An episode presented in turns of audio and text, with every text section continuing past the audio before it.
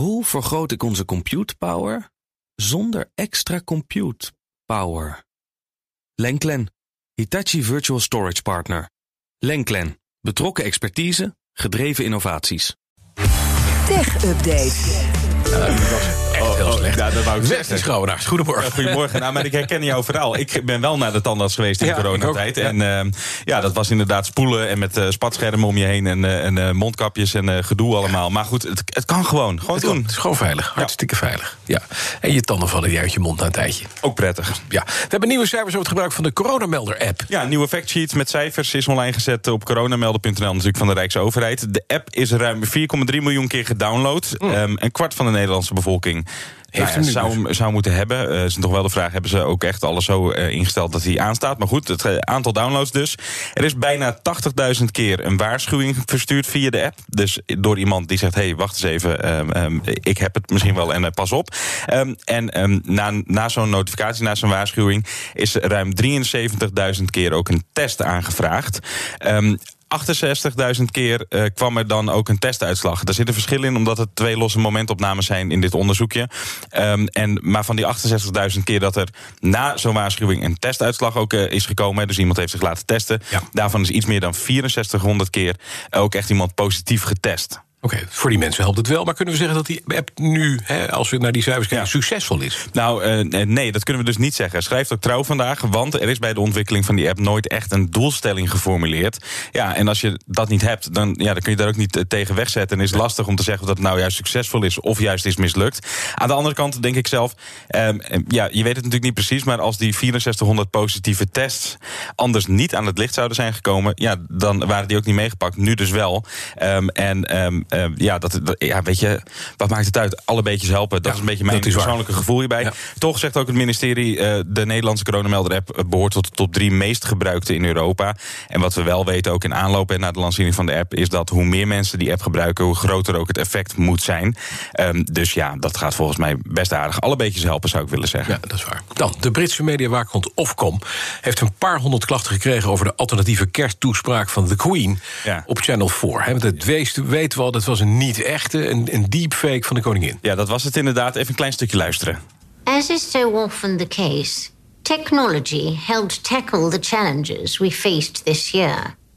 Like many of you, when I wasn't settling down with my husband to Netflix and Phil, as I like to call it, I was perfecting my moves for TikTok. Ja, mooi hè, een stukje technologie ook in die toespraak. Ja. Netflix en Phil, ik vond hem, ik vond hem wel goed gevonden. Ehm, ook allerlei grappen trouwens over eh, dat vertrek van Harry en Meghan naar Noord-Amerika. Tekort aan toiletpapier destijds ook bij de, nou, het begin van de coronapandemie.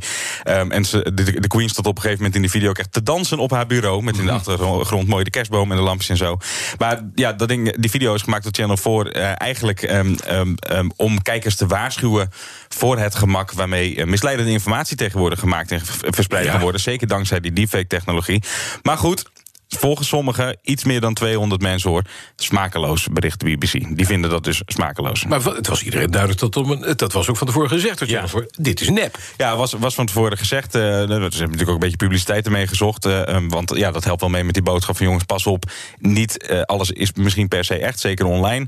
Ehm, en het was ook wel duidelijk hoor, want eh, ik vond het was heel kort, maar wel aardig gedaan. Aan het einde van die video zag je op een gegeven moment dat beeld zo mooi verspringen. En dan zag je ineens die actrice zitten voor een greenscreen met het bureau en de kerstboom. En dat was best aardig. en dan zag je zo, weet je wel, zo, eh, ik vond het mooi gedaan. Ehm, maar, maar ja, goed. eh, blijkbaar vonden toch een paar mensen dat daar Niet niet, zo smaakvol. Nee, misschien Nee, niet, van aan, niet Koningshuis aan de. Queen komen. Nee, precies. Oh.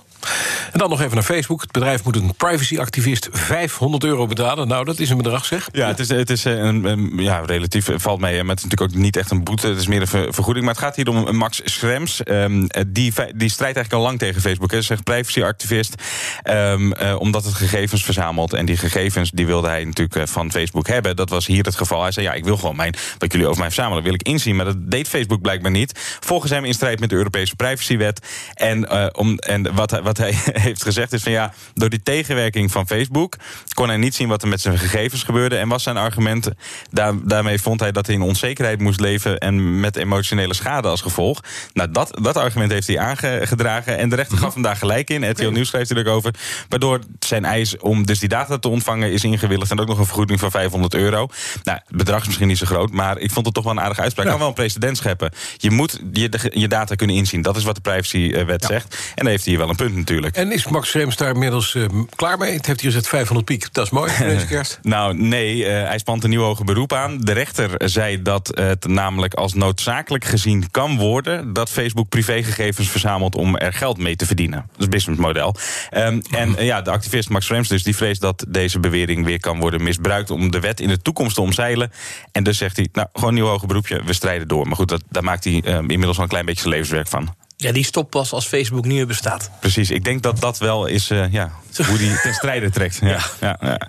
Maar goed, een beetje controle op zo'n bedrijf. Gang, oh, kan geen zeker kwaad. goed. Ook Ja, op deze goed. manier. Dat. Dankjewel. Schouders. De BNR Tech Update wordt mede mogelijk gemaakt door Orange Cyber Defense. Build a safer digital society. Hoe maak ik van ons VMware-platform een on-prem AI-platform? Lenklen, NVIDIA AI Enterprise Partner. Lenklen, betrokken expertise, gedreven innovaties.